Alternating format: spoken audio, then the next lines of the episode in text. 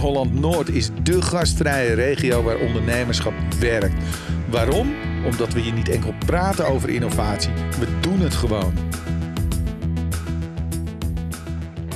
Welkom bij een nieuwe podcast van ontwikkelingsbedrijf Noord-Holland Noord.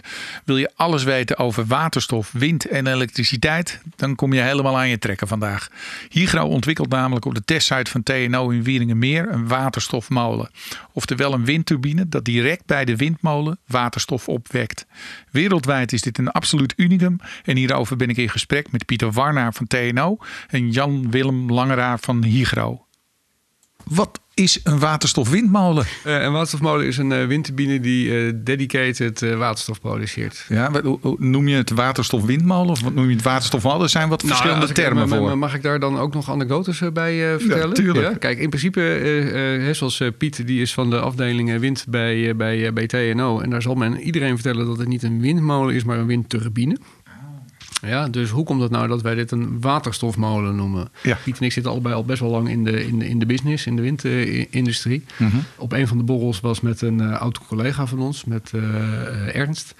En die zei, heel lange raar, hoe is het met je waterstofmolen? Ik zeg, Ja. eh, Ernst, dat mag ik niet voor jou helemaal niet zeggen, hè? Een, eh, een, eh, een, molen. Nou, jij wel hoor. En het aardige is dat wij dat toen eigenlijk zijn blijven gaan gebruiken. En de, de grap is dat iedereen meteen wel begrijpt waar het over gaat. Oké, maar maar in principe is het ook niet gewoon een marketingnaam ondertussen geworden? Je, je hebt iets nieuws en dat, dat moet nee, toch een ja, naam krijgen. cor- correct, maar je zou het officieel als een waterstofturbine moeten noemen. Of een waterstofwindturbine, zo je wil. Maar op zichzelf, ik denk in de volksmond snapt iedereen wel dat... hey, dat is dus zo'n zo'n apparaat waar dus blijkbaar dan waterstof uitkomt. Ja, ja. Maar wa- wat is het dan? Wat, wat, wat is anders dan een windmolen? Of...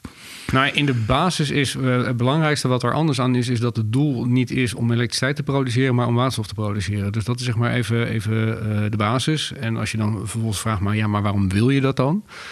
Nou, dan eh, dat is eigenlijk waar we in ons voorgesprek al even over hadden. Er zitten nogal wat voordelen aan om eh, direct waterstof te produceren met een windturbine in plaats van elektriciteit. Mhm. En dat heeft er eigenlijk heel erg mee te maken dat de, de eh, optimalisatie van zowel windturbines, pijpleidingen, elektrolyse, ehm, als je ze met elkaar integreert, technische en economische voordelen gaan opbieden. Dus zoals wij eigenlijk vaak eh, als slogan eh, gebruiken, 40% meer energie kan je winnen door de waterstof te gebruiken in plaats van elektriciteit. Ja. Tegen lagere kosten, eh 30% lagere kosten dan met elektriciteit. Maar, maar dat is niet het verhaal wat je vaak terug hoort vanuit de media. Nee, want de vraag waar we het hier eigenlijk over hebben... want dan zou je namelijk nu ook de vraag kunnen stellen van... ja, maar eh, gebruik, wek je dan geen elektriciteit op? En dan zeg ik dat het, eh, het verwarrend is. Jawel, maar we maken wel degelijk elektriciteit. En dat zetten we dan om in, in, in, in waterstof. Ja, maar, zeggen, maar dat doen al die andere apparaten toch ook? En Mhm. dan zou, is inderdaad het verhaal van... oké, waar maak ik mijn waterstof? Maak ik mijn waterstof, zeg maar, bij wijze van spreken... helemaal bij de eindklant? Of maak ik hem rechtstreeks in die turbine? En wat is dan nou het verschil tussen die twee? Mhm. Nou, het verschil tussen die twee is enorm. Dat zit hem eigenlijk op heel veel verschillende vlakken. Als je het heel sec bekijkt, door de hele elektrische infrastructuur ertussen uit te laten, wordt er een enorme hoeveelheid kosten bespaard en worden ook nog best wel wat significante energieverliezen eh, vermeden. Maar de, uiteindelijk de kern is dus dat de samenspel tussen een windturbine, een electrolyzer en een pijpleiding, als ik het helemaal eh, eh, eh, zeg, leidt tot een andere economische optimalisatie van je energiesysteem. Ja. Waardoor je in staat bent om eh, per windturbine en windpark significant meer energie te winnen dan dat nu mogelijk is. En dat dan vervolgens al bij jou, nou welke gebruiker het ook wil gebruiken, af te leveren. Ehm, Ik ben wel even benieuwd nog naar eh, Piet. eh, jij bent van TNO. Jullie hebben een, een testsite. En jullie hebben ook eh, berekeningen hierover gemaakt. Wat, Jan Willem nu aangeeft, is in principe van: nou ja, wij, we, zijn eigenlijk eh, economisch rendabeler. We kunnen eh, meer energie realiseren eh, dan dat dat via elektriciteit mogelijk is. En jullie hebben dat eigenlijk doorgemeten. Nog niet. Dat zijn we in voorbereiding. Je hebt gelijk, in onze testsite is er al, al jaren. Ja. En tot 2018 heten wij niet TNO, maar waren wij ECN. Mhm. En ECN is al meer dan 40 jaar actief in de wind, sinds de energiecrisis in de jaren 70. Ja. Dus wij hebben sinds de jaren 2000 hebben wij een testsite waar wij heel veel andere eh, commerciële windturbines doormeten. Daar zijn wij voor geaccrediteerd en gecertificeerd. Maar jullie beginnen niet met het bouwen van een waterstofmolen Wij- zonder te weten dat het. We hebben dat het systeemanalyses gedaan. Dus Ja. we hebben gemodelleerd van, joh, wat nou als die turbine volledig optimaal ontworpen is. Mhm. Dus de combinatie van de rotor, wat altijd de windmolen, de windturbine aandrijft, de generator en de elektrolyse is volledig geïntegreerd. Ja. Daar kan je de claims die Jan Willem net uithaalt, meer energie uithalen tegen een lagere kostprijs. Dat hebben we al doorgerekend en dat was zeer veelbelovend. En daarmee is de stap gezet van oké, laten we dat dan gewoon in het echt bewijzen door zo'n turbine op onze testsite te bouwen en volledig door te meten. Ja. En dat wordt een belangrijke stap. Ja, en eh, zeg maar, wat is de rolverdeling tussen Hygro en TNO? Wij werken samen, wij kijken mee over de schouder van Hygro en wij meten en schrij- beschrijven wat wij meten. En wij zijn daarin niet voor ingenomen. Wij zijn een wetenschappelijke autoriteit en meten is weten. Dat is wat we doen. Ja, maar eigenlijk is het heel simpel. Hygro heeft ook voor Wieningenmeer gekozen omdat daar eh, een testsite eh, van TNO al aanwezig was. Ja, absoluut. Ja, nee, eh, la- la- laten we wel wezen. Het is om te beginnen niet zo makkelijk om zomaar een turbinelocatie te krijgen. Dat is één. Het tweede is, je hebt ook nog best wel wat ruimte even bij die turbine nodig, omdat je een testopstelling eh, gaat bouwen. En dat is ook niet zomaar eh, eh, te verkrijgen. Mhm. Dus het hebben van een testlocatie is, is, is, is, is, is, is cruciaal. En als je dan zegt, maar wat is nou de samenwerking met TNO? Dat is op, de, op, op dit moment beginnen met, met eh, Piet is van de wind, om even te zeggen van TNO. Ja. Maar we werken op heel veel verschillende vlakken met TNO samen. Want je hebt ook nog de, de, de afdeling van TNO die zich met elektrolyse en met brandstofcellen bezighoudt. Eh zit eh, overigens ook het oude ACN eh, zit dat nog. Mhm. Maar tegelijkertijd bijvoorbeeld in de Wieringenmeer is de bedoeling dat de waterstof bijvoorbeeld naar, naar tankstations en naar voertuigen gaat. Ja, dat is ook weer TNO, is weer een andere afdeling van TNO waar we mee samenwerken. Ja. Tegelijkertijd om nog maar weer een link met de TNO te leggen. TNO is bijvoorbeeld ook best wel goed in instrumenten bouwen.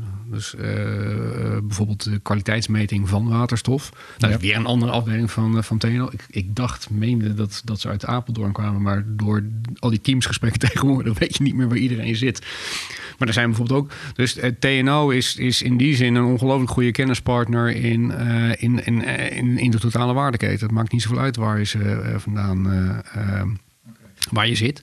Kijk, je kunt prima doorrekenen wat er mogelijk is met die windturbine. Wat het, het TNO uiteindelijk moet doen, is eh, nameten op de, op, op de laatste komma wat het nou precies is. En daarover Maar, publiceren en en schrijven. over publiceren en schrijven. Maar om nou zeg maar van, hij moet nog aantonen en het blijkt zo meteen eh, totaal niet te kloppen. Kijk, bij wijze van spreken, wij zeggen nu 40% meer energie is, eh, is, is in, de, in, in in de praktijk mogelijk. Dat is Ja. overigens bij de eerste turbine hier nog niet het geval. Want je moet zowel de windturbine volledig opnieuw ontwerpen als je electrolyzer volledig opnieuw ontwerpen. En wat we hier doen is in eerste instantie alleen de electrolyzer eh, eh, erop ontwerpen. En in een volgende fase wil je die windturbine ook eh, weer volledig opnieuw gaan ontwerpen. Ja. Maar je, je kunt bijvoorbeeld nu al wel zeggen van die electrolyzer zoals wij hem nu dimensioneren, zeggen wij nou die zal weet ik veel,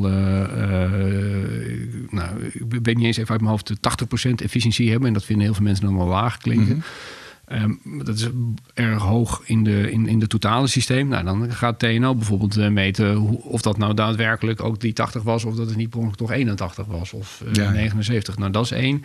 En waar het voor een deel over gaat, is eh, de, het, het gedrag van die windturbine.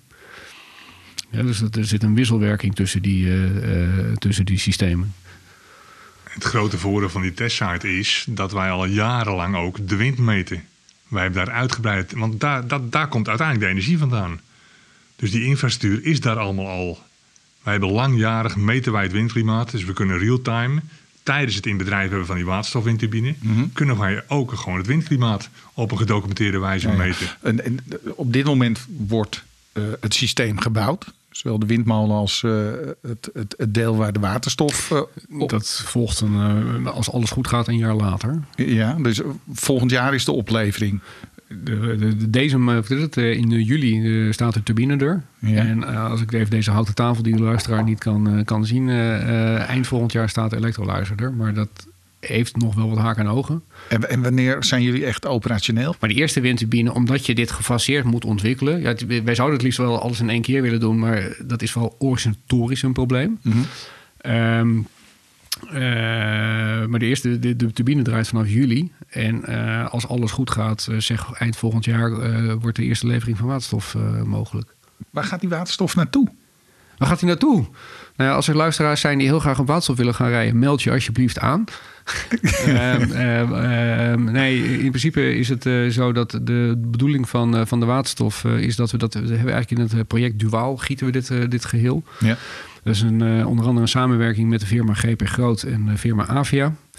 Of uh, eigenlijk doet de GP Groot dit onder de brandname Next. Dat mm. zijn de nieuwe de tankstations uh, van hun waar ze, uh, ze duurzame brandstoffen aanbieden. Ja, Alkmaar staat er één onder Alkmaar. Zandam. Ja, in, in Alkmaar staat hij in de planning. Daar moet die Q1 volgend jaar moet het tankstation er staan. Ja. dus dat betekent dat de waterstof in eerste instantie nog even ergens anders vandaan moet komen. Um, en um, ik moet het heel even uit mijn hoofd doen. Volgens mij wil GP het uh, in, uh, in Haarlem, in Beverwijk en Zaandam volgens mij uh, gaan doen. Weet ik niet helemaal zeker of ik dat nou, of ik dat nou goed zeg. Um, en tegelijkertijd zijn wij wat meer in de kop bezig met, met Avia. Mm -hmm. en de, als het allemaal goed gaat, dus een van de dingen wat je vroeg me van wanneer staat hij er? Nou, een van de doelen bijvoorbeeld is dat er een, uh, vanaf de windturbine een pijpleiding langs het water getrokken wordt richting de A7. Dan kom je uit bij Wieringerwerf Zuid. Zoals de meeste mensen uit deze regio weten, staat daar het tankstation van Avia in de knik van de, uh, van de A7 en de, de is het? oprit. En wordt daar de waterstof afgeleverd en kan je dus in ieder geval daar tanken. Tegelijkertijd is het de, de bedoeling dat ook op die plek waterstof uh, op druk in hoge drukvaten gebracht wordt. En dat die vaten vervolgens weer door Noord-Holland gedistribueerd worden naar andere tankstations. Ja. Zo is er bijvoorbeeld, uh, wordt er gedacht aan uh, Horen, Koolhoorn. Maar in principe is het de bedoeling dat dat allemaal naar, naar tankstations gaat. Het lastige is dat al die tankstations, dat is ook nog best wel een investering. In welk tempo dat precies kan, is ook wel weer een beetje uh, spannend. Omdat het vooral weer te maken heeft met uh, wet en regelgeving. Uh, en eigenlijk heeft het weer te maken met in welke mate het interessant wordt om, om erop te rijden. Mm -hmm. En Kijk, de belofte die ik net deed dat die waterstof zometeen goedkoper is dan die elektriciteit, dat is helaas bij het eerste project ook niet zo. Maar dat heeft ermee te maken dat het het allereerste project is. Ja. Terwijl als je ziet dat je dit kan opschalen, dus dat, uh, dat je dat bij heel veel windturbines in het land kan doen, of nog mooier, waar Piet en ik ook aan het werk zijn, dus om het gewoon op zee te doen, ja, dan zie je dat door die opschaling, die belofte die we, die we doen, dat je die ook daadwerkelijk waar kan maken. Ja. In de beginperiode zul je uh, voor, voor de eindgebruiker, wanneer is het nou interessant om erop te gaan rijden? Nou ja, als je gewoon een liefhebber bent en je hebt er wat geld voor over, dan, dan kan je dat bij wijze van spreken nu al je auto aanschaffen en.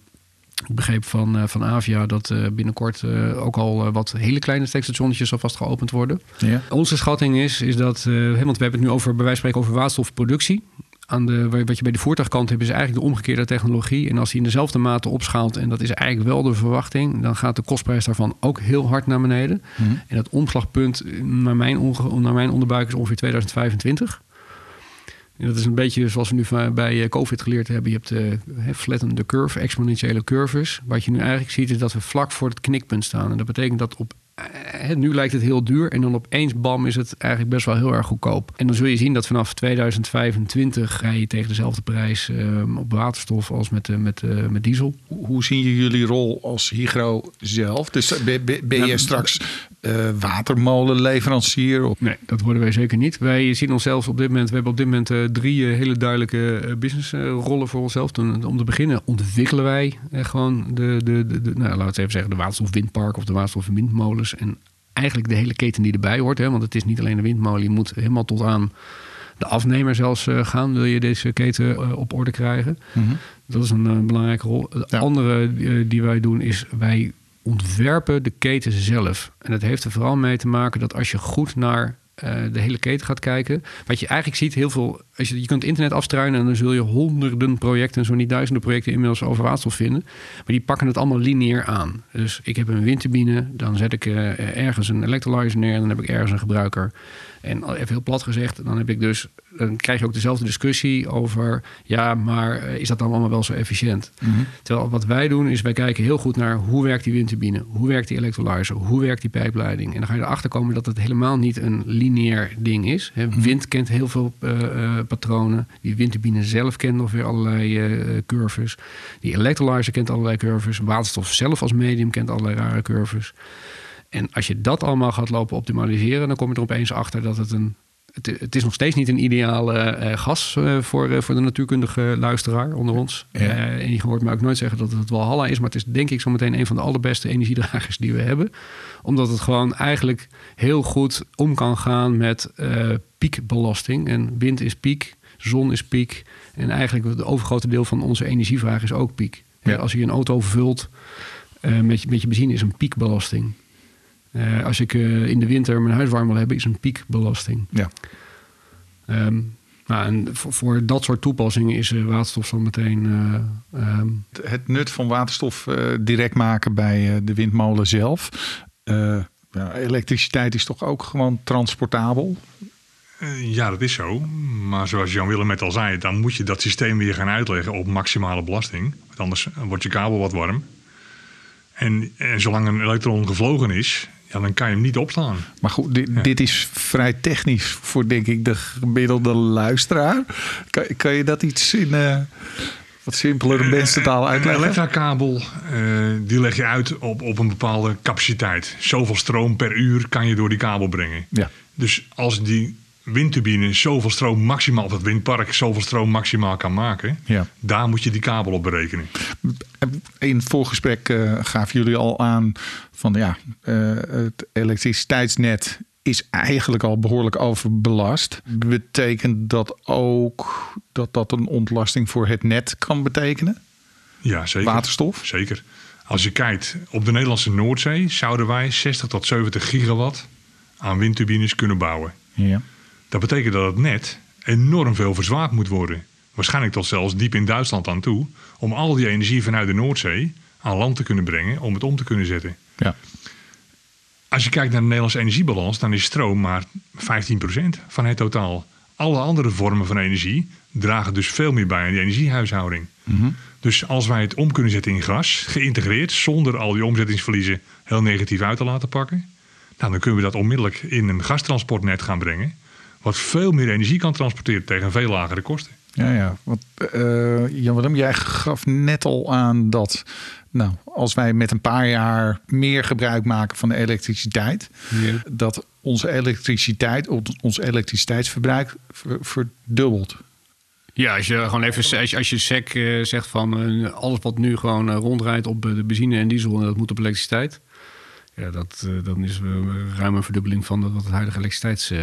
Ja, maar je gaf daar ook bij aan dat, dat je dan in principe met je infrastructuur, je elektrische infrastructuur, het gewoon echt niet gaat redden. Nee, dat moet je dan verdubbelen. En dat zou je natuurlijk kunnen zeggen, ja, dat moet dan maar. Maar eh, eh, als je het gewoon in Jip en Janneke taal eh, zegt, eh, gasinfrastructuur is gruwelijk veel goedkoper dan elektrische infrastructuur.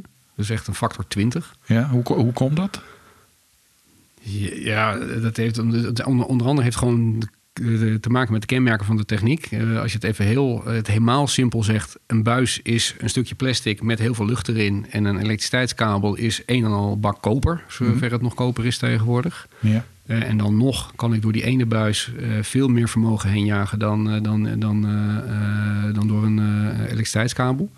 Dus eh, om het op een andere manier te zeggen, eh, heel veel mensen beseffen het niet, maar bijvoorbeeld de woning waar wij nu zitten, Pieter, jij hebt denk ik 3 kilowatt maximaal elektriciteit aan netaansluiting. Eh, 32 ampère, ja. Ja.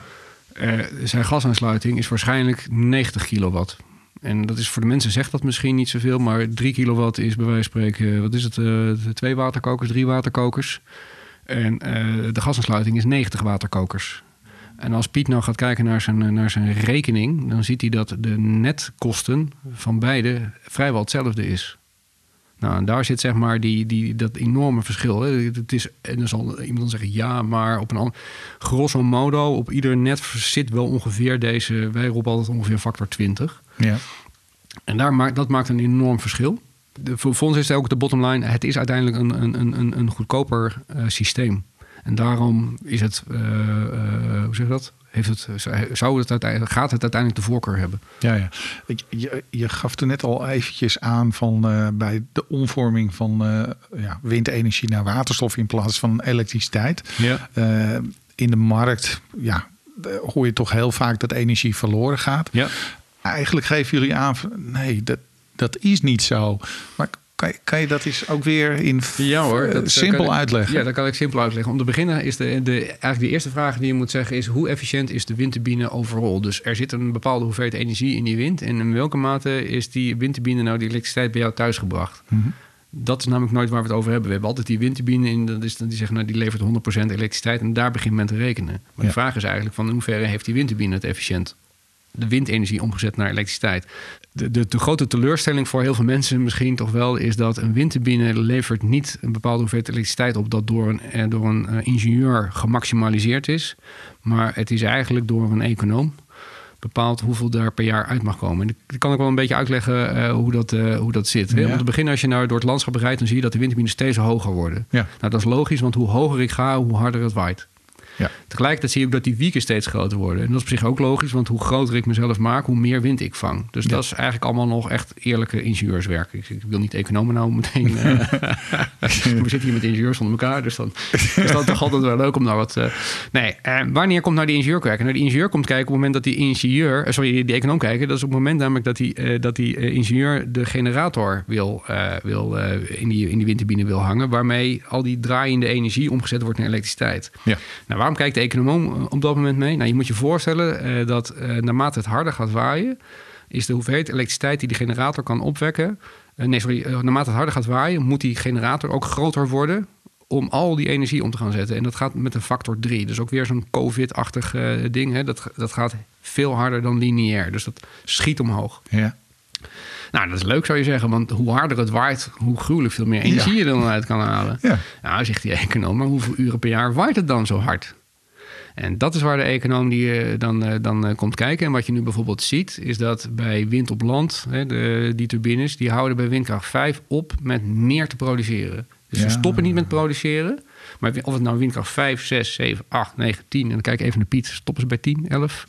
Uh, nee, nou, nee, zeg maar Nou, tien. Maar nou, tien. dan- tien boven, dan... eh, Dan moeten ze weer even. doen we eh, langzaam eh, af. ja, nou goed. Maar in, produceren is net zoveel als bij windkracht 5. Dus op het moment dat jij denkt: Goh, wat een lekker windje vandaag. is goed voor de windenergie. Maar het was de dag ervoor iets minder hard windkracht 5. Ja, net zoveel energie. Ja, maar dat is economisch gedreven. dat is dus Want economisch gedreven. Ja. tech- technologisch kan dat meer zijn. Ja, absoluut. Nou, en hier zit hem een belangrijk deel van de catch. Want waarom, waarom is dat nou zo? Nou, er zijn twee dingen die dat bepalen. Ten eerste, die generator moet groter worden. Die wordt duurder, daardoor wordt die hele windturbine ook wel ietsje duurder. Maar nog belangrijker is dat achter die generator zitten weer heel veel vermogenselektronica. Er zitten allemaal transformatoren en er zit datzelfde elektriciteitsnet. Waarvan we net hebben gezegd dat die bijvoorbeeld een factor 20 duurder is. Ja. Ehm, dus dat, eh, eh, wat je dan Die, ziet... die dat niet kan verwerken. Nee, je kunt het wel verwerken. hoor. Je moet het alleen Maar de bouwen. kostprijs wordt maar de, veel maar de kostprijs. Dus wat Ja, je ziet is dat de per kilowatt... Hè, dus je, wat je, als je, dat zijn allemaal hele ingewikkelde curves als je daarna gaat zitten kijken. Maar je zegt, als, het bijvoorbeeld, eh, als ik bij Windkracht 6 dat zou willen produceren... Om een mooi voorbeeld te geven. De ambtenaar bij Horen is een hele zware turbine. Dat is een 7,5 megawatt turbine. Wij zelf gaan bijvoorbeeld nu een 4 megawatt turbine bouwen. Maar hij is qua omvang precies hetzelfde.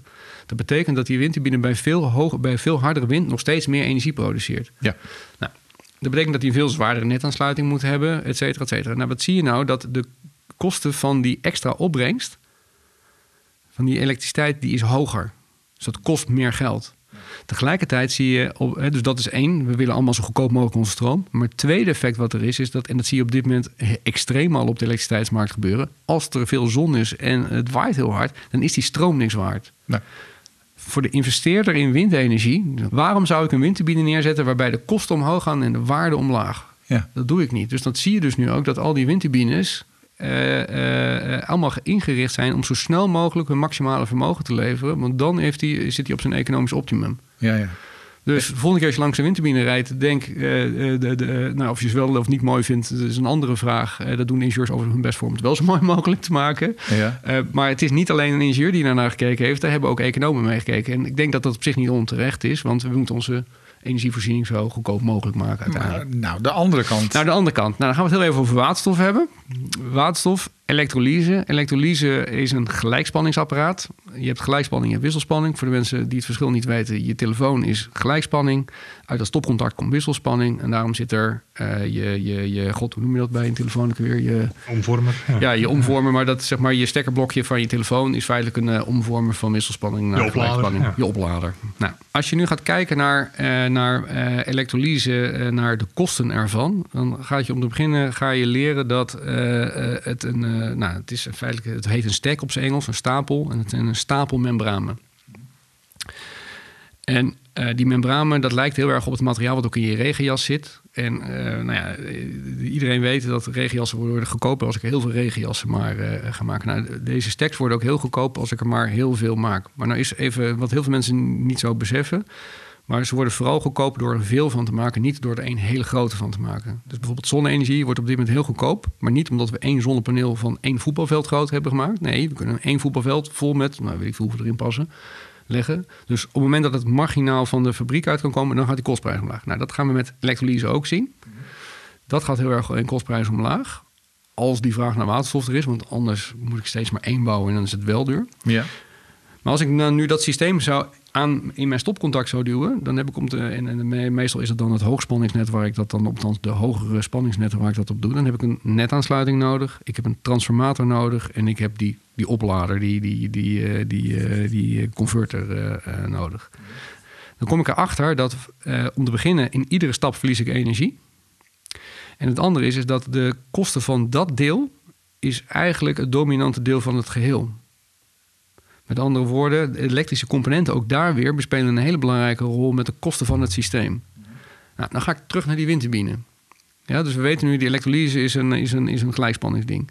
Nou, die windturbine, daar zit bovenin een generator en die draait variabel hoe hard het waait. En eh, voor de mensen met een iets meer technische achtergrond, die weten zeg maar, dat die windturbine, eh, tenminste dat je het elektriciteitsnet 50 hertz moet hebben, wisselspanning. Maar dat, dat levert die turbine niet. Dus in die turbine zit vervolgens weer een omschakeling van wisselspanning naar gelijkspanning. En van gelijkspanning weer naar wisselspanning. En dan transformeert men het omhoog. En de reden om dat te doen is om die frequentie te halen. Dus die vuile wisselspanning die uit de generator komt, die breek je in stukjes en die plak je weer netjes in elkaar, zodat er schone wisselspanning op die 50 hertz Ja. uitkomt. Maar goed, wat leren we hier nou van? We leren hiervan dat de eerste component na de generator... is precies hetzelfde component wat ik nodig heb naar mijn, naar mijn elektrolyse stack. Nou, als ik mijn elektrolyse stack dus rechtstreeks daar ophang... dan kan ik bij mijn elektrolyse dus een heel groot deel van mijn kosten besparen. En tegelijkertijd, in het meest extreme geval... kan ik diezelfde kosten ook bij die windturbine allemaal besparen. En, is het nu echt zo dat, eh, zeg maar, als die eh, omvorming heeft plaatsgevonden, Ja? is er dan ja, een grote tank? Ligt daar dan waar opslag is? Of ga- wordt het meteen ergens naartoe getransporteerd? Wat je dan dus vervolgens krijgt, is, hè, dus om de, de omvorming van de elektriciteit is naar van gelijkspanning, sorry, van wisselspanning naar gelijkspanning. Dan gaat het vervolgens die stack in. De stack is een proces waarbij eh, je, je eh, water eh, en elektriciteit op een slimme manier samenbrengt. En dan wordt dat water wordt opgebroken in zuurstof en waterstof. Eh, daar zit een membraampje tussen en dan komt aan de ene kant komt, eh, zuurstof en aan de andere kant komt eh, waterstof uit. Die waterstof die gooi je in een pijpleiding. En die kan je vervolgens overal naartoe transporteren wat je wil. In de Wieringenmeer komt er een pijpleiding naar, naar Avia. En vanuit daar, eh, want dat is, een pijpleiding leggen eh, is best lastig. Dus vanaf daar gaan we het vervolgens met vaten in eerste instantie over de weg eh, vervoeren. Ja. Ehm, maar in principe is het zo, als ik toch weer even terug naar het economische verhaal mag vertellen. Eh, die pijpleiding is dus ten opzichte van die elektrische infrastructuur die ik anders nodig had gehad, nou zeggen ze even een factor 20 goedkoper. Ja. Nou, dat is één. Dus wat je nu ziet, zeg maar, als ik die dingen integreer, zie je dat opeens de economie van die windturbine verandert. Want eh, er vallen heel veel elektrische componenten weg. Maar er is nog iets veranderd. Ik heb namelijk al meteen een molecuul. En dat molecuul, dat kan ik eigenlijk relatief, zeg ik vervolgens bij, maar relatief makkelijk opslaan. Ja. En dat betekent zeg maar dat de, eh, de impact die ik eerder noemde, dat als die windturbine, als het hard waait, de stroom niks waard is. Ja, dat probleem heb ik eigenlijk niet. Nee. Nee, want de discussie was ook een tijdje van... eh, eh, dit speelt al wat langer. Nou, Ja. dan slaan we elektriciteit op in, eh, in batterijen, in accu's. Ja. En Tesla is daar druk Ja. mee bezig geweest. Zeg je eigenlijk van... ja, dat, dat, die- dat hoeven we eigenlijk helemaal niet te doen. Die stap Nou, op- zouden we over kunnen slaan. Nou, dat hangt een beetje vanaf waar je het over hebt. Want als je bijvoorbeeld puur alleen een zonnepark hebt, dan, dan, dan zijn er nog best wel, wat mij betreft, scenario's te bedenken waarin dat wel zin heeft. Mhm. Maar als je bijvoorbeeld gewoon gaat kijken naar de schaal waar Piet en ik uiteindelijk naar, naar kijken, dat is gewoon op zee. Ja, dat is gewoon niet met batterijen. Het is- misschien dat je het nog met een beetje fantasie met batterijen kan doen, Mhm. maar het is gewoon niet economisch. Nee. De hoeveelheid is zo verschrikkelijk groot. Dat past niet meer in batterijen. Die kan je eh, uren een keer opslaan, maar we willen naar veel grotere hoeveelheden toe. Ja. Uiteindelijk willen we de seizoenen gaan overbruggen. Ja. Ja, om, om, om even een idee te geven, bijvoorbeeld, hè, er zit ook in pijpleidingen zit inherent opslag. En eh, dat, dat is even nog wat anders dan de seizoenen waar Piet het over heeft, want dat is nog ingewikkelder. Maar eh, pak even bijvoorbeeld dat windpark op zee, wat we samen aan het doorrekenen zijn. Daar zit om en erbij vijf uur opslag in. En in de, in de categorie van dat windpark waar wij naar kijken, dat is een equivalent van, ik geloof, 250.000 Tesla's. Ja, ja. En dat zit er inherent in, die opslag. Hè? Want je kan namelijk spelen met de druk. Ja. Nou, die krijg ik gratis bij het leggen van de pijp. Hoef je Ja. die pijp niet voor te veranderen. En anders dan die kabel dus, die op max is uitgelegd... Ja, kan je gewoon spelen met de inhoud van die pijp. Ja, oké. Ja. Ja, dus, nou ja, en dan krijg je vervolgens nog de uitdaging die Piet nog weer zegt. In de winter waait het heel lekker en in de zomer eh, niet zo. Eh, dus, De warmte en de kou. Ja, eh, en hoe, hè, de, eh, hoe ga ik daar nou mee om? En dan krijg je inderdaad wel nog weer het vraagstuk van... oké, ook die waterstof gaat eh, fluctueren. Wat doe ik daar dan mee? Wij krijgen allemaal gewoon eh, elektriciteit thuis en op het werk. En Ja. eh, daar merken we eigenlijk niet zo heel veel van. Ja, Maar er schijnt echt behoorlijke eh, pieken en dalen in, in de belasting te zijn. Kan waterstof daar ook eventueel een rol in spelen om, om dat op te lossen? Om wat gelijkmatiger te krijgen? Ja dat, uite- uite- uiteindelijk eh, zeker wel. Er zijn heel veel verschillende visies op hoe je dat zou kunnen doen. Er zijn eh, heel veel mensen bezig om te kijken of je de huidige gascentrales op waterstof kan laten draaien... en die dan als eh, de fluctuatie op te laten vangen. Ik zelf geloof ook wel in het model waarbij... ehm, kijk, het Nederlandse aardgasnet zijn we best wel gelukkig mee. Dat, dat hebben alle ingenieurs uitgezocht. Dat is relatief makkelijk zo meteen om te bouwen naar waterstof. En dat betekent ook zeg maar, dat je de waterstof naar de huishoudens kan krijgen. En als je nou gaat beseffen dat een kleine brandstofcel eh, van de 3 kilowatt die eh, eh, Piet hier thuis ook Elektrisch. elektrisch nodig heeft, die zal in de toekomst iets van 250 euro kosten. Nou, nou is de grote vraag dat als hier in huis gedoucht gaat worden, dan hou je, zou je dat ding kunnen gebruiken om warmte en elektriciteit te kunnen maken. Of, of je zegt nee, ik heb de elektriciteit nodig en dan hou ik de warmte over. Dan zou, zou iemand zeggen, ja, maar dus, dat is inefficiënt. Nou ja, aan de andere kant, je moet bedenken dat onze gascentrales verwarmen op dit moment onze rivieren. Ehm, maar goed, het is zeg maar, eh, eh, als je Maar- beseft maar dat het maar 250 euro is, bij wijze van spreken, zo meteen zo'n, althans dat systeem binnen je totale ketel die nu 750 euro of iets dergelijks is. Dan zie je dus zeg maar dat het eigenlijk niet zo duur is om iedereen zijn eigen energiecentraletje zo meteen te geven. Nou ja, dat, vraag Piet, betekent dat dan dat wij in principe eh, met waterstof het volledige huis qua energie kunnen voorzien? Nou, we zullen moeten gaan kijken wat, wat de, de voorrang verdient. Want uiteindelijk willen we eerst CO2 besparen zoveel mogelijk. Ja. En dat wil je zo economisch mogelijk doen. Dus dan zal de voorkeur waarschijnlijk eerst gaan liggen op de grote industrie. De, de procesverwarming in de grote industrie. Ja. Dat je die wilt gaan verduurzamen. En, maar Want, ook want daar, huishoudens. wordt, daar wordt al veel waterstof gebruikt, toch? Ja, die, en die wordt nu grijs opgewekt met heel veel CO2-uitstoot. Ja.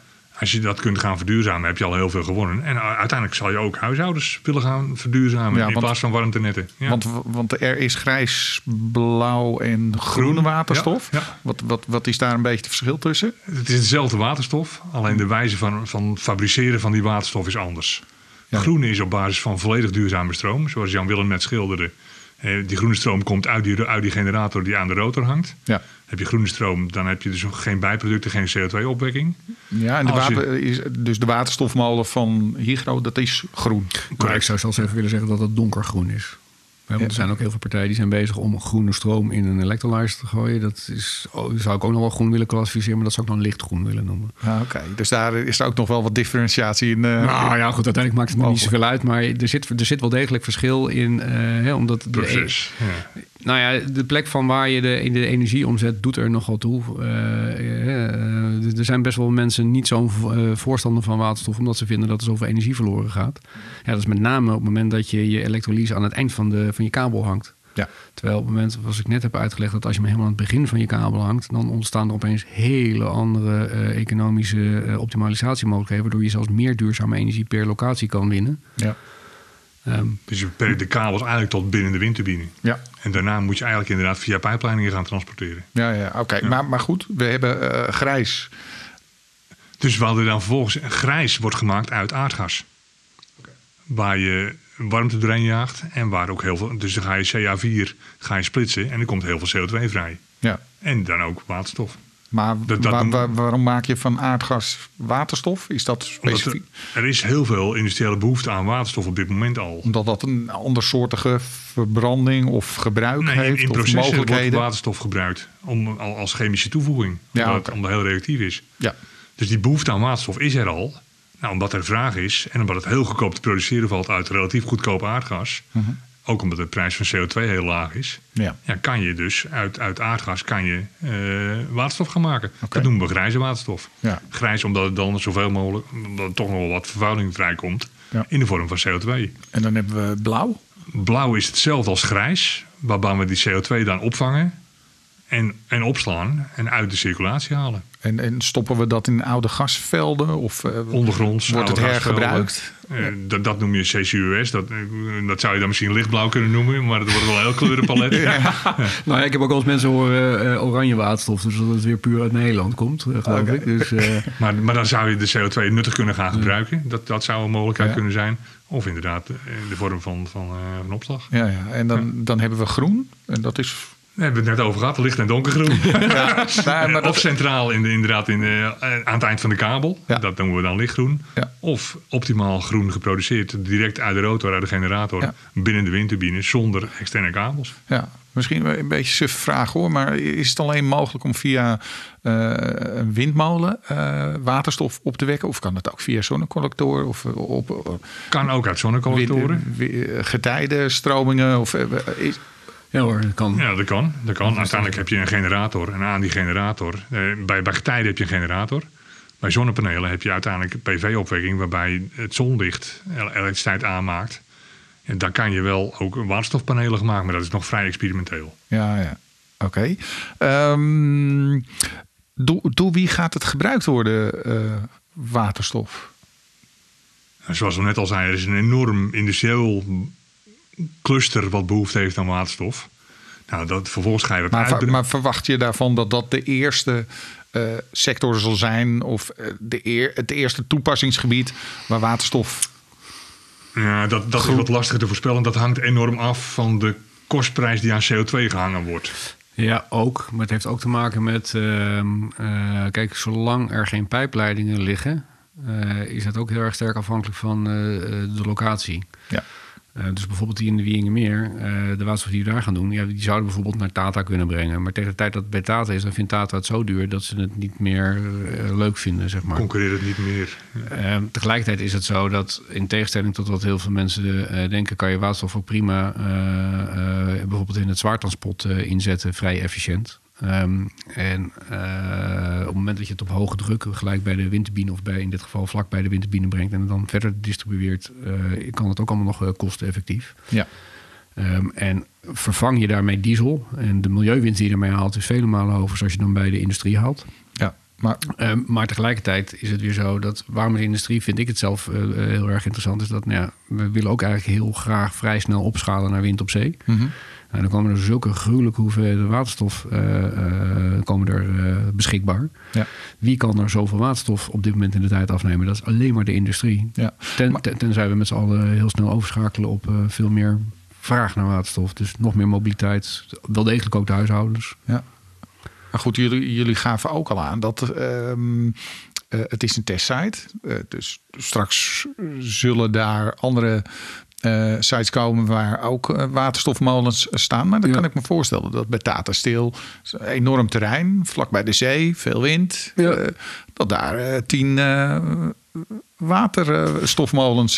Zou kunnen. Ik zie het eerder gebeuren dat er gewoon een pijpleiding vanaf zee bij Tata naar binnen komt. En dat dan waterstof, meer dan voldoende waterstof voor Tata is om zijn staal gewoon groen te maken met waterstof. Ja, want eh, hebben jullie enig idee hoe, hoe, hoe ver dat soort plannen die kant op al zijn? Wordt daarover gesproken? Of is dat allemaal nog in heel prille fase? Er, er wordt zelfs al gesproken over een Europese waterstof backbone, noemen we dat dan. Om, om een deel van het huidige aardgasnet, het internationale aardgasnet, geschikt te maken voor waterstoftransport. Internationaal waterstoftransport. Door heel Europa heen. Ja. En, maar, maar wat is jullie verwachting qua tijdslijn? Wanneer zou zoiets... Nou, het interessante is, Operationeel zijn? vooraf eh, hadden we hier een discussie over de eh, rol van Shell bijvoorbeeld. En, dan- maar ik zou vooral nog wel even de rol van eigenlijk wat je nu op dit moment ziet, allerlei gerechtelijke uitspraken, maar toch ook wel heel veel eh, besef dat we het allemaal anders moeten doen. Ehm, dus je ziet zeg maar dat er om die reden heel veel eh, support is. De andere is zeg maar dat als je de, de kostencurves van de technologie eh, eh, ziet waar we het nu over hebben. Dus de eh, elektrolyse, maar ook de brandstofcellen, et cetera. Dan is binnen een paar jaar is het heel erg betaalbaar. En het zal denk ik net een beetje gaan als met mobiele telefoons. In het begin denkt iedereen, ik vind het allemaal duur, wat moet ik ermee? En over een uh, paar jaar dan wil alles en iedereen uh, dit. Dus mijn stelling is, het gaat heel snel. Ja. En dat zal voor een deel gefaciliteerd worden. Onder andere, Piet had het over de Europese backbone. Mhm. Ik denk dat, uh, zover ik het op dit moment kan zien, onze gasunie een van de uh, verst gevorderde daarin is. En je, ze hebben al helemaal een schema met over hoe ze in de komende vijf, wat is het, vijf tot zeven jaar, hè? nee, negen jaar, feitelijk één ringleiding door Nederland leggen. Ja. En ja, dan gaat het hard in die zin dat... Kijk, ik kan bijvoorbeeld zeggen... Kijk, in de Wieringenmeer moeten we met onze waterstof naar de mobiliteit. Omdat uh, nou, de industrie zit zeg maar uh, te ver weg. En tegelijkertijd mobiliteit uh, is een interessante markt. En kan het ook zo meteen betalen. En er zit ook een goede milieuwinst in. Mhm. Maar op het moment dat ik mijn winter, windturbines en windparken aan een pijpleiding mag hangen, die ik meteen op een backbone invoeden, ja, dan, dan, schiet de economie van waar we het nu over hebben nog harder omhoog. Ja. En wij zijn, we, we hebben eigenlijk nu de stelling dat als, je, als we binnen 30 kilometer van een pijpleiding zijn, van een backbone, dan kunnen die projecten eigenlijk op relatief korte termijn al uit. Dus we zijn bijvoorbeeld in de Rotterdam, uh, tussen Rotterdam en Antwerpen ligt van alles. Mm -hmm. Nou, daar zijn we best wel verschillende parken al, naar al aan het kijken. En dan heb ik het over drie, vier, vijf jaar waarbij dan de eerste parken moeten komen. Oké, okay, dat is snel. Uh, maar als je uh, die ringleiding van, uh, van GasUnie zou pakken en je zegt ik mag dus links en rechts 30 kilometer van die leiding zitten, dan heb je eigenlijk, nou het is het, 80% van Nederland te pakken waar dit kan. Ja, en we hebben al best wat, wat windmolens in Nederland staan. kan je die niet gewoon omvormen tot waterstofmolen? Um, nee. nee, want we hebben net uitgelegd dat juist het hele ontwerp, de hele afstemming van rotor op generator op elektrolyse, dat moet je eigenlijk aan fabriek doen en niet, niet gaan ombouwen. Maar een windturbine heeft een levensduur van 20 à 25 jaar, soms subsidiegedreven 15 jaar. Ja. Als een nieuwe broertje er komt, zou dat best een waterstofturbine kunnen zijn. Ja. Hoe zetten jullie zo'n zo'n ja, lobby in werking? Hoe zorg je ervoor, zeg maar, dat hè, want nu de eerste windmolens die worden inderdaad vervangen. Hoe, hoe gaan jullie ervoor zorgen dat dat straks, uh, straks een waterstofmolen wordt? Wij gaan documenteren inderdaad dat die claim van, van duurzaamheid, van energieopwekking, van gebrek aan verlies door omvorming, dat dat waar is. Mm -hmm. En daar, daar ga je reputatie mee opbouwen. En dan ga je het energiesysteem ga je opnieuw bekijken. Ja. En dan ga je zien van hé, hey, maar die transport via pijp is best interessant. En minder via de kabel. Hoe kijken jullie überhaupt naar de ontwikkelingen op het gebied van uh, waterstof uh, in de regio Noord-Holland-Noord? Nou ja, wij hebben natuurlijk een vrij uitzonderlijke positie. Want in Noord-Holland-Noord komt er ongelooflijk veel aardgas nu aan land. Jan-Willem noemde net al, dat GasUnie is strikt voornemens om een deel van die aardgasinfrastructuur om te bouwen en geschikt te maken voor waterstof. Ja. Daarmee zou Noord-Holland een sleutelrol kunnen spelen in het aanlanden van offshore geproduceerde waterstof. En dat naar de industrieclusters brengen. Nou, we hebben al gesproken over Tata Steel. Als je een heel grote waterstofgebruiker zou kunnen noemen die daarmee verbonden kan zijn, ja, dat is super interessant. Ja. Pieter de duidt hier voor een deel de geografische ligging. Ja. He, dus de geografisch ligt uh, Noord-Holland uh, uitermate uh, interessant. Hè? Want het overgrote deel van de Nederlandse Noordzee grenst feitelijk aan Noord-Holland. Ja. Uh, en daarmee vanuit Den Helder als uitvalsbasis naar de Noordzee... plus uh, de feitelijk de pijpleidingen van de alle Noordzee... komt via Den Helder Nederland binnen. En dan ligt er een, een hele dikke pijpleiding van GasUnie. Uh, ook van, wat is het, van Medemblik via Herenwaard, Grijpskerk. Ja, en, en speelt Groningen. wind daar nog een rol bij? Omdat we natuurlijk veel kustregio hebben. Nou ja, ook wel, maar ik zou. Uh, kijk, de, de, uh, waar ik graag iets willen benadrukken is, de, is dat je moet ook heel veel kennis bij elkaar hebben. het testterrein staat in Noord-Holland. Dat is eigenlijk een, een, een, in ieder geval voor ons een, een gouden greep. Maar het feit dat het TNO zit, het, het oude ECN zit in Noord-Holland met heel verschillende kennisdingen. maar je moet tegelijkertijd beseffen dat eigenlijk alles wat je, wat je nodig hebt voor waterstof, althans een groot deel van wat je nodig hebt is kennis die uit de oil en gas komt. En om even een eentje te noemen, uh, wij gaan bijvoorbeeld uh, plastic pijpleidingen uh, gebruiken van de firma Soluforce. Misschien een composiet, beetje. hè? Composiet, ja. Oh, sorry. Ja, maar goed, de, de luisteraar weet het. we, de, we weten niet wat composiet is, dus dan is plastic. maar Soluforce is misschien minder bekend als de naam Pipelife. Of het oude, hoe heet het in Enkhuizen? Olva, ja. ja, dus. Enkhuizen, ja. ja. dus de. de um, en dat is state-of-the-art technology. Omdat, al is het maar een saaie plastic buis, maar het is wel state-of-the-art technology waar het hier over hebt. Ja. Ehm, en zo zijn er eigenlijk nog best wel heel veel partijen te noemen. Eh, nou, in de, we hebben het nu over waterstof in de, in de, in de gasvorm. Maar ja, ook eh, heel aardig om te vermelden dat we, ik zie ook heel veel gaan gebeuren met waterstof in de vloeibare vorm.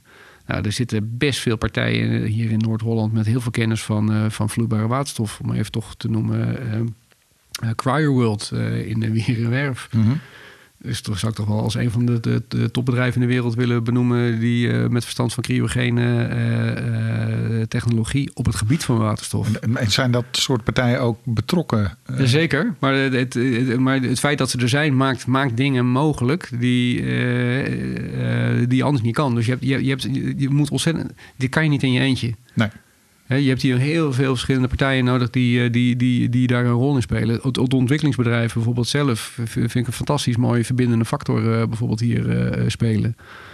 die kennen eigenlijk alle verschillende soorten ondernemers. En dan, dan, dan, dan, dan zit je met ze te praten en dan een beetje filosoferen van hoe of wat. En dan, doordat, je, doordat zij veel weten en jij weet en je legt die verbinding. En dan komt er weer wat uit. Ja, wat, eh, kan je daar eens concreet voorbeeld Nou, een concreet voorbeeld is, kijk, we hebben het nu over, de, over uh, het project hier in de Wieringenmeer. Uh, we zijn op dit moment bijvoorbeeld bezig met, met Greenport. om te kijken of we tractoren op waterstof hier naartoe kunnen krijgen. En er is een Nederlandse ontwikkeling, de IOX. Dat is een ontwikkeling van een waterstoftractor. En dat vind ik altijd een. Mag ik ook met enthousiasme over vertellen. Ook al is het niet mijn eigen product. Maar als zij uh, succesvol zijn, dan wordt mijn product ook. Ja, spreekt dat, enorm tot de verbeelding. Toch? Nou ja, de reden waarom ik het een zo mooi product vind, omdat het namelijk laat zien dat we hebben het hier over uh, waterstof biedt nieuwe kansen. Het is nieuwe techniek waardoor je nieuwe dingen kan doen. En wat is hier nou het, eh, het, het verhaal? Um, ik ben zelf helemaal geen agrariër, maar ik heb begrepen dat een, wil, wil je land beter zijn, dan moet je zo min mogelijk je, je grond rijden met je, met je tractor. Dus nou, hoe, hoe, doe je dat dan? Dan maak je de sporen breder. Maar ja, als, je dat, als je dat doet, dan kom je minder makkelijk weer thuis. Of rij je minder makkelijk je schuur in. Dus eigenlijk zou je willen dat je een tractor hebt waarbij je je wielen kan, kan variëren. Ja. Dit is de oorsprong van het bedrijf uh, van de IOX. Dat ze zeiden van ja, dat moet je willen. Ja. Hoe ga je dat nou doen? En als je dat mechanisch wil doen, hè, met een oude verbrandingsmotor... dan heb je allemaal van die, eh, van, die, eh, van, die, van die assen die dan moeten lopen. En dat gaat allemaal niet zo soepel. Maar als ik nou in ieder uh, wiel een, een elektromotor doe... dan kan ik heel makkelijk dat ding variëren. Plus de lol van vier wiel aangedreven en weet ik wat allemaal nog meer. Nou, dan kom je erachter vervolgens, dan, dan heb je dus elektromotoren. Nou ja, hang daar maar een batterij in. Ja, maar een batterij, uh, die moet dan zo groot en zwaar worden. Wil die dat zware werk op het veld doen? Dat kan niet. En die energie pers dus de grond weer. ja. ja. ja. Dus de enige manier om dat te doen, is om dat weer met waterstof te doen. Ja, want nou, eh, wat, ik, we zijn dus zeg maar samen met, uh, met, uh, met, met een hele groep in Noord-Holland en allerlei partijen bezig om te zeggen van oké, we moeten dus nu in één keer een heleboel van die tractoren hier hebben met verschillende tankenlocaties. Want om te beginnen, het heeft dus een hele hoge agrarische waarde. ik, bedoel, ik kan niet eens precies uitleggen hoe dat nou precies zit op dat veld, maar dat is voor, de boer prachtig. Hè? Die kan meer van zijn veld halen, minder kapot weet ik veel wat allemaal nog meer. Maar tegelijkertijd um, helpt dat zeg maar om de hele infrastructuur op te kunnen tuigen. Dus we hadden ook een, keer een podcast met Noord-Holland Noord en dat met de, met de mooie titel. Um, is de trekker van de toekomst de trekker van de energietransitie? Ja. Nou, ja. Um, dit soort wasverbanden uh, creëer je. En dat kan alleen maar bij mijn beleving, vanuit mijn beleving, doordat er bijvoorbeeld ook zoiets is als, als Noord-Holland-Noord. Ja, had je niet vroeger een huis van de toekomst in Amsterdam Zuidoost? Zou je, zou je niet zoiets ook moeten hebben met, met waterstof? Om gewoon het ook bij het grote publiek uh, wat meer te laten leven? Absoluut. Absoluut. Dat helpt natuurlijk enorm dat als mensen het kunnen uh, aanraken uh, en zien dat het werkt, dat, dat werkt natuurlijk stimulerend. Ehm, tegelijkertijd is het ook wel even vanuit ons perspectief zo dat stel nou dat ik mijn, mijn windturbine daar neerzet en er komt maar één tractor rijden dan heb ik een heel erg ingewikkeld financieel leven. En niet omdat ik nou per se heel rijk wil worden, maar ik moet zo'n grote infrastructuur, het dan zo groot, moet ook niet overdrijven, maar het is een relatief dure infrastructuur die pas rendabel wordt als er voldoende afnemers zijn. Ja. Dus ja, ik wil eigenlijk liefst dat zo snel mogelijk hier uh, tractoren gaan rijden. Dus daar zijn al die andere partijen zo uh, druk uh, mee bezig om dat alvast zeg maar de aanloop daarin te nemen. Maar eigenlijk moet je zo snel mogelijk opschalen. Uh, want als je dat doet, dan, als je dat namelijk niet doet, dan wat ik dan altijd heel flauw zeg, maar één is geen. Ja. dus, uh, en ook hier zit weer een beetje de vraag van ja, maar het is allemaal nieuw en weet ik wat allemaal. Ja, maar, goed, is, maar goed, technisch kan het allemaal. Maar jullie zijn met name bezig nu nog met de technische realisatie, de infrastructuur. Maar da- daar hangt natuurlijk ook een heel groot gedeelte eh, omheen met eh, de vraag creëren. Ja, hoe zeg je dat? Zitten daar dan eh account managers op of salesmensen? of, Nee, er- nee, nee, nou ja, ook wel hoor. Maar de, je zegt, eh, we zijn vooral met techniek bezig. Nou, ik mag graag over techniek praten, maar ik ben het overgrote deel van mijn tijd bezig om te kijken hoe je het nou, eh, nou ja, financieel rond kan breien. Ja. En dat heeft vooral uiteindelijk weer heel erg te maken met allerlei wet en regelgeving. Ja, gaat dat allemaal eh, redelijk eenvoudig? Nee, dat gaat bepaald niet crescendo. Oké. Goed, maar nou, wat, wat, wat- zou daar beter kunnen? Nou ja, ehm, oké. dan, dan, dan- om even te voorkomen, zoals ieder ondernemer graag wil mopperen over de overheid. Ehm, eh, ik denk dat heel veel mensen zich eh, niet beseffen, is dat we hebben het hier over een volledig nieuwe energiedrager. En ehm, eh, dat betekent tegelijkertijd dat er heel veel eh, wet en regelgeving niet is. En dat lijkt eigenlijk vanuit een eerst perspectief, dat mag alles. Maar eigenlijk blijkt dat als je gaat zitten in de praktijk, dan kan eigenlijk niks. Tegelijkertijd is het zo dat als ik bijvoorbeeld met ambtenaren praat en ik zeg, eh, zouden we dit niet eens willen doen? Dan, nou, vaak zie je wel goede wil. Maar dan kom je erachter dat het een hele keten is waarbij er heel veel dingen zijn waar ze zelf geen controle over hebben. Of dat het voor hun ook ingewikkeld is. Bij het ministerie van Infrastructuur wil men heel graag dit wel degelijk stimuleren eh, om erop te gaan rijden om nou een uitvoeringsregeling te maken om dat extra te stimuleren, heeft men een bepaald eh, beeld bij. b- brandstoftickets of HBE's voor de mensen die luisteren en weten waar het over gaat. En wat is nou het probleem? Om dat uit te voeren moet je eigenlijk eh, kunnen aanwijzen ehm, eh, eh, in de wet wie waar wat iets doet met waterstof. En waterstof staat niet in de wet. Nee, dus kan je het niet aanwijzen. Dus kan je het niet aanwijzen. Dus kregen wij een discussie met het ministerie. In de eerste in eerste instantie kreeg je aan, je praat allemaal een andere taal. Hè, want toch iedereen is gewend in zijn eigen wereldje te zitten. Ja. En je denkt, wat zegt die ambtenaar toch? Totdat je op een gegeven moment eigenlijk begreep van... Hij, hij, hij, verrek, hij wil wel, maar hij kan gewoon echt niet. En waarom kan hij niet? Ja, hij moet eerst de wet veranderen. En dan kom je erachter als burger dat, eh, dat een wet veranderen... dat is zeg maar een proces van een paar jaar. ja. Dus ja, dan zie je dat zo'n ambtenaar probeert dan wel te na te denken van ja, maar hoe kan ik het dan wel inrichten dat ik het wel vanuit de wet mag, Mhm. zodat jij het ook nog vindt dat het uitvoerbaar is. Ja. Nou ja, Maar wat, wat, wat hebben jullie op dit moment nodig daarin? Dus, eh, goed, snelheid, je, je snelheid vooral vind ik en eh, eenduidigheid. Dus de eh, ja, en wet en regelgeving. wet en dus. Nou, even een ander voorbeeld. Ehm, kijk, waterstof concurreert naar mijn beleving bijvoorbeeld in, bij dit soort projecten vooral met diesel. En eh, ik kan je ook eh, voorrekenen dat we eigenlijk vrij snel kunnen concurreren met diesel. Op dit moment in de tijd eh, zullen, ze, zullen sommige mensen beweren dat waterstof vrijgesteld is van accijns. Maar het is niet vrijgesteld, het staat niet in de wet. Nee. Nou, tegelijkertijd, wederom, we zijn bezig met grootschalige projecten op zee. Ik kan eigenlijk laten zien dat binnen 10, 15 jaar het waterstof zo goedkoop is. Dan zal de Nederlandse overheid echt heel graag accijns willen heffen. En als burger vind ik dat ook niet erg. Maar in mijn eerste project heb ik daar wel degelijk last van. Ja. Want als ik namelijk nu tegen een, eh, iemand zeg... Nou, als jij de komende 10 jaar erop gaat rijden, dan krijg je deze prijs. Ja. Maar als de overheid een accijns eh, gaat heffen, nou ja, dat is heel vervelend. Ja. Nou, die ervaring hebben heel veel transporteurs bijvoorbeeld met LNG al een keer gehad. Die zeggen, ja, laat de overheid dat eerst maar eens even dat regelen. Ja. Nou, wij zitten bijvoorbeeld heel veel met het ministerie van EZK. Die weet bijvoorbeeld heel veel over windenergie of over waterstof. Maar accijns zit uiteindelijk bijvoorbeeld weer via een rare route via eh, infrastructuur bij financiën.